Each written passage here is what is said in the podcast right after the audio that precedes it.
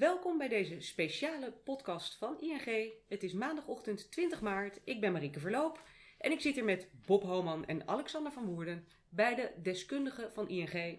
Heren, welkom. Kunnen jullie mij vertellen, wat is er aan de hand in bankenland?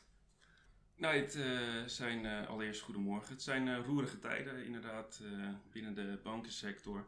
En dat begon eigenlijk nou, inmiddels zo'n anderhalve week geleden met Silicon Valley Bank in Amerika. Um, die in liquiditeitsproblemen kwam. Wat eigenlijk zoveel betekent als dat ze niet meer voldoende middelen hadden om aan de spaartegoeden te voldoen. Die werden opgenomen door, door hun klanten. Um, en als gevolg had dit dat ze een, stuk van een obligatieportefeuille moesten verkopen. Uh, nou, zoals we allemaal weten is de rente natuurlijk uh, aanzienlijk opgelopen. En dit betekende daardoor dat dit met een uh, verlies moest gebeuren. En als gevolg hiervan, om dit te compenseren, wilde Silicon Valley Bank een, aandelenuitgifte doen. En nou, dit zorgt eigenlijk voor dermate veel onrust onder rekeninghouders dat er sprake was van een, een bankrun.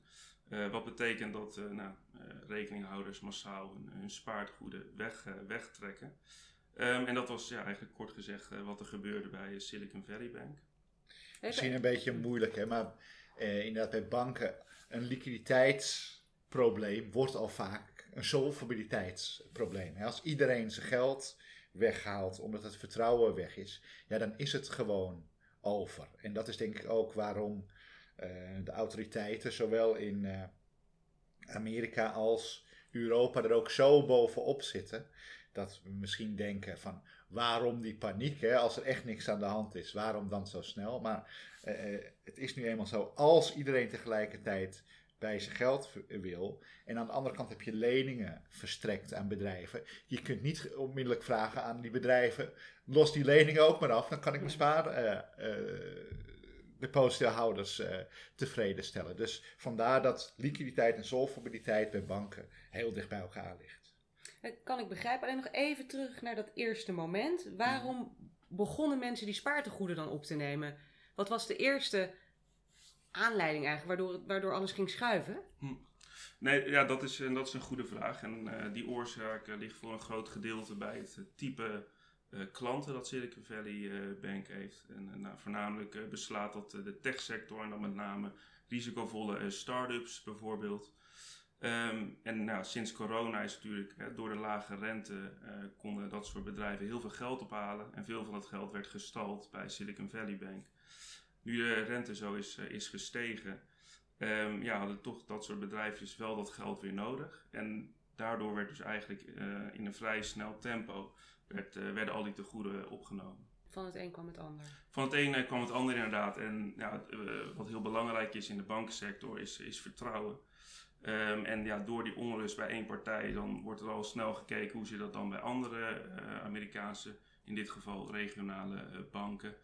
Um, nou, en als gevolg had dat er nog uh, twee kleine, kleine banken ook omvielen. Um, en ja, dat schaadt dermate het vertrouwen aan dat dat ook dan breder binnen de hele bankensector wordt bekeken. Van hoe is dat eigenlijk bij andere banken met bijvoorbeeld hun, hun obliga obligatiesportefeuilles. En dan misschien wel en dat er tussen de regionale banken en de grote banken in Amerika een fors verschil in uh, eisen zit die de toezichthouder uh, stelt. Hè. De grote banken moeten aan veel meer uh, regeltjes. regeltjes voldoen dan, dan de kleine. en nou ja, wat er nu gebeurd is, is dat een aantal, een aantal grote banken neemt nu stukken van deze banken in de problemen over. Uh, de centrale overheid heeft eigenlijk een soort depositogarantiestelsel voor iedereen uh, geïntroduceerd. Hè, dus ook boven de 250.000 dollar zoals het in Amerika is en de 100.000 euro zoals het in, uh, in Europa is. En dat betekent ook natuurlijk wel wat voor de banksector. Hè. Dat betekent denk ik wel dat voor de toekomst overheidsbemoeienis gewoon veel groter is geworden als de nood aan de man komt. En dat is denk ik ook waarom bankaandelen ook op de reddingsmaatregelen die er nu wel zijn en die in onze ogen het systeem echt wel goed gestabiliseerd hebben, toch nog niet uh, een enorme comeback uh, maken. En sterker nog op deze ochtend nog, nog fors lager staan. omdat het, het, landschap hierdoor echt wel blijvend veranderd is. Ja, dat kan ik begrijpen. En eh, ik begreep ook dat de, ehm, er onderdeeltjes van die eh, kleinere Amerikaanse banken dan overgenomen worden of gered, maar dat er ook weer schuldenportefeuilles overblijven. Hoe moeten we ons daar zorgen over maken? Ik weet niet of jij, maar ik denk, eh, de schuldenportefeuilles worden voor een deel overgenomen, maar de schulden ehm, van de banken die men te risicovol vindt, laat men lekker liggen. Hè? Dus het is een beetje cherrypicking ook, Ja. wat eh, de grote banken doen. En ja, die zullen eh, in een soort overheidspool eh, terechtkomen. en daar moeten ze dan achteraf, en net als eigenlijk tijdens de financiële crisis, de, de staat zien of ze daar zonder kleerscheuren van afkomen. In de financiële crisis is dat overigens heel goed gelukt. Hè. Daar hebben, heeft de overheid de, de hypotheekportefeuilles van veel eh, banken overgenomen. En daar hebben ze uiteindelijk nog, eh, nog winst op kunnen maken ook. Nou, dit is Amerika, hè? En tegelijkertijd ehm, gebeurt er ook van alles in Zwitserland. Wat gebeurt daar en heeft dit enige relatie tot elkaar?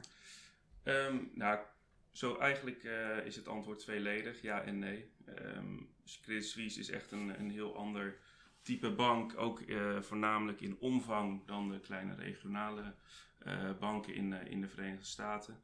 Ehm, allereerst omdat eh, Credit Suisse aangemerkt wordt als een eh, global ehm, sys- systemically important bank, ofwel een hele grote bank.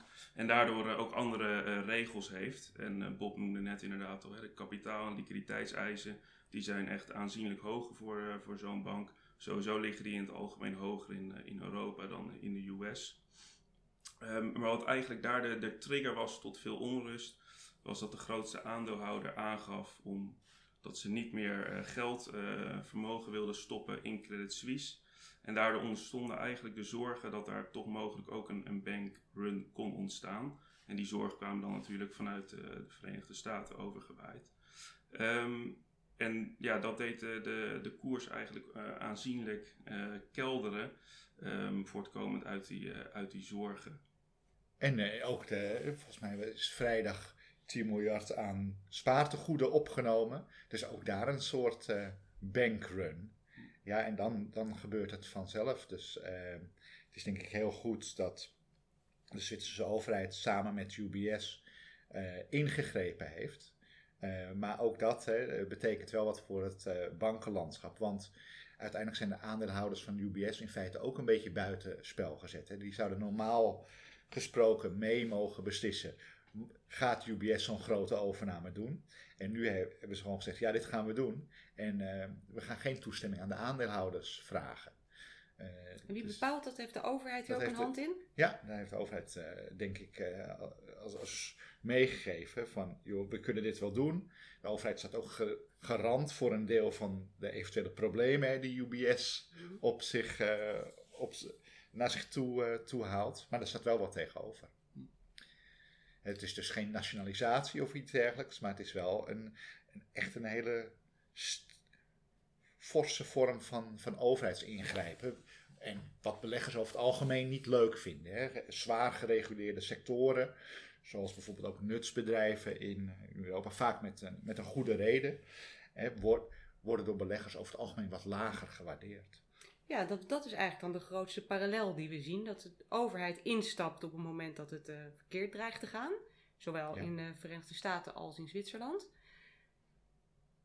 En Bob, jij geeft net aan, eh, beleggers zijn daar over het algemeen niet altijd dol op. Waarom is dat? Nou ja, omdat je, je, rechten als aandeelhouder in feite eh, minder worden. Dus ehm, de, de overheid kan dus zeggen: oké, eh, net als we in de financiële sector en ook in de energiesector eerder hebben gezien, en dan keren we geen dividend uit. Dan mogen jullie geen dividend uitkeren. En, nou, dat, dat vinden beleggers natuurlijk niet, eh, niet prettig. En dat, juist dat verhaal was er een beetje afgeraakt in Ja. de afgelopen jaren. Ja. En dat komt denk ik eh, nu weer terug. Ik denk dat we, overigens dat we niet alleen naar de negatieve kanten moeten kijken. Ehm, eh, in de tussentijd zien we dat de rente heel fors gedaald is. Dus voor houders van staatsobligaties, die hebben vorige week een, een echt een hele goede week eh, gehad. Hè, met procenten winst daarop. En uiteindelijk geeft dat ook weer voor wel weer wat lucht. Hè, want hogere rentes betekent in principe lagere aandelenkoersen. Nou, nu die rentes zo terugvallen. En bijvoorbeeld uh, de Amerikaanse rente was twee weken terug nog boven de 4%. Nu is het denk ik 3,3. De Duitse rente was 2,6, 2,7%. Nu onder de 2. Dan heb ik het over 10 rentes. En dat betekent dat vooral, nou ja, een beetje technisch misschien, de groeiaandelen. Hè, in de IT-sector, denk in Nederland aan ASML, maar ook aan Alphabet, Microsoft in Amerika. Die varen hier best wel wel bij, want die zijn heel erg rentegevoelig. en je zag ook de IT-sector, de Nasdaq, is vorige week 5 à 6 procent uh, gestegen. Dus in tegenstelling tot de banken en de meer waardeaandelen, zoals ook de energieaandelen, die de vorige week heel stevig van langs kregen. Ja, want nog even terug naar die uh, banken. Want je zegt nou, beleggers zijn niet dol op dat, uh, op dat uh, overheidsingrijpen. Maar je zou ook kunnen denken dat het toch voor wat lange termijn stabiliteit zorgt. Op het moment dat die overheden een beetje kunnen sturen als het te veel de ene kant of de andere kant op helpt. Er zijn natuurlijk ook, daar is ook een markt beleggers voor. Um, Nee, zeker. Kijk, ik, ik denk dat het uh, heel goed is. En uiteindelijk zijn dat denk ik ook lessen die uh, afkomstig zijn van de kredietcrisis. Dat de overheid echt goed en, en snel gehandeld heeft. Dat hebben we nu gezien in zowel uh, de US als in, ook in Zwitserland. dat er toch wel ja, dermate snel gehandeld is dat er eigenlijk geen systeemrisico's of iets in die zin uit voortkomen. En dat is, dat is denk ik positief. Uh, als we kijken naar de deal die uh, de afgelopen weekend uh, gevormd is tussen UBS en, en, Credit Suisse, dan is dat, dan komt dat de, de in ieder geval de, de grootste zorgen brengt het daarmee weg. Um, er zitten natuurlijk wel, dat zien we ook aan de marktreactie vanochtend, nog wel wat onzekerheid, onzekerheden in die, in, die, in die deal ook. Um, het is natuurlijk op hele korte termijn allemaal besloten. Dus hoe gaat dat dan uiteindelijk het samenvoegen? Gaat dat uh, extra kosten opleveren? Nou daar heeft UBS natuurlijk wel garanties over gekregen.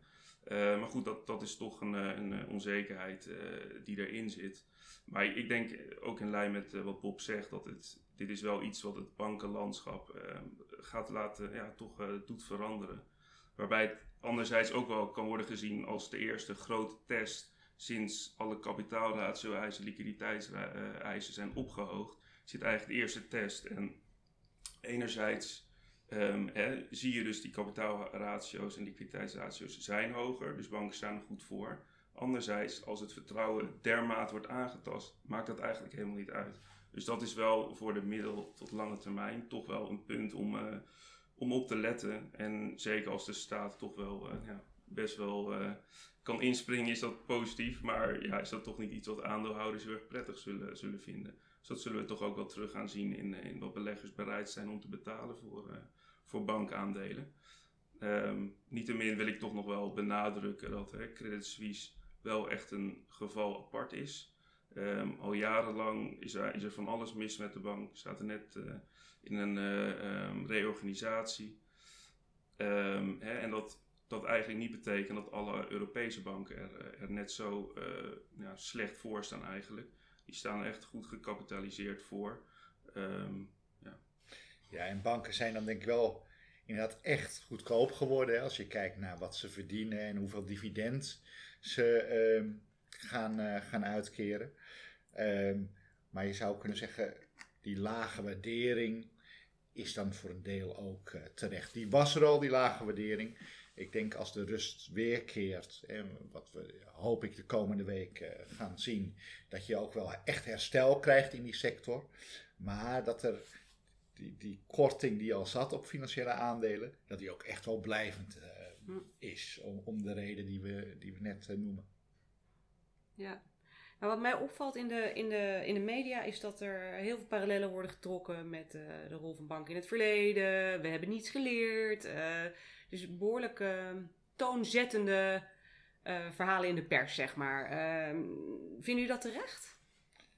ik vind het zelf dat het bankensysteem zoals we dat, uh, dat kennen, hè, waar ehm, een bank een, een, tussenrol speelt tussen mensen die geld over hebben en bedrijven of mensen die geld nodig hebben om een huis te kopen of een bedrijf te starten Eh, en ja, ik vind dat nog steeds een, een goed werkend systeem. Ik zie niet hoe dat anders zou kunnen. En er zitten risico's aan, maar juist met garantiestellingen hè, van banken onderling, met een depositogarantiestelsel en met in een voorkomend geval een overheidsingrijpen, uh, is denk ik ook voor de toekomst goed, goed houdbaar. Ik uh, wil je nog vragen of jullie nog iets kunnen delen of wat jullie beleggers nu aan zouden raden. Nou, ik denk dat we sowieso, als, we kijken naar de portefeuille zoals wij die nu inrichten, hebben we een voorkeur voor wat meer de groei uh, aandelen, dus die wat renteafhankelijker uh, zijn. We hadden ook wel een voorkeur voor financiële uh, waarden. Dat moeten we eens bekijken. We gaan in ieder geval, denk ik, we gaan daar niet nu in verkopen. Uh, moeten de, de vraag is dan, vinden we het aantrekkelijk genoeg om bij te kopen of is het te veel veranderd? Nou, daar zullen we komende week een beslissing over maken. Maar ik denk juist in dit soort periodes, hè, met een goed gespreide portefeuille, uh, en met ook misschien wat obligaties erin, hè, uh, die nu echt een tegenwicht ehm, bieden, eh, moet je in, de, in dit soort periodes meestal gewoon even rustig afwachten tot het eh, stof uh, neergedwaald is. Dankjewel. Nou, wat ik eraan overhoud is dat we als beleggers het beste uh, rustig kunnen blijven en wachten tot het stof is neergedaald. Ik dank jullie hartelijk voor dit gesprek.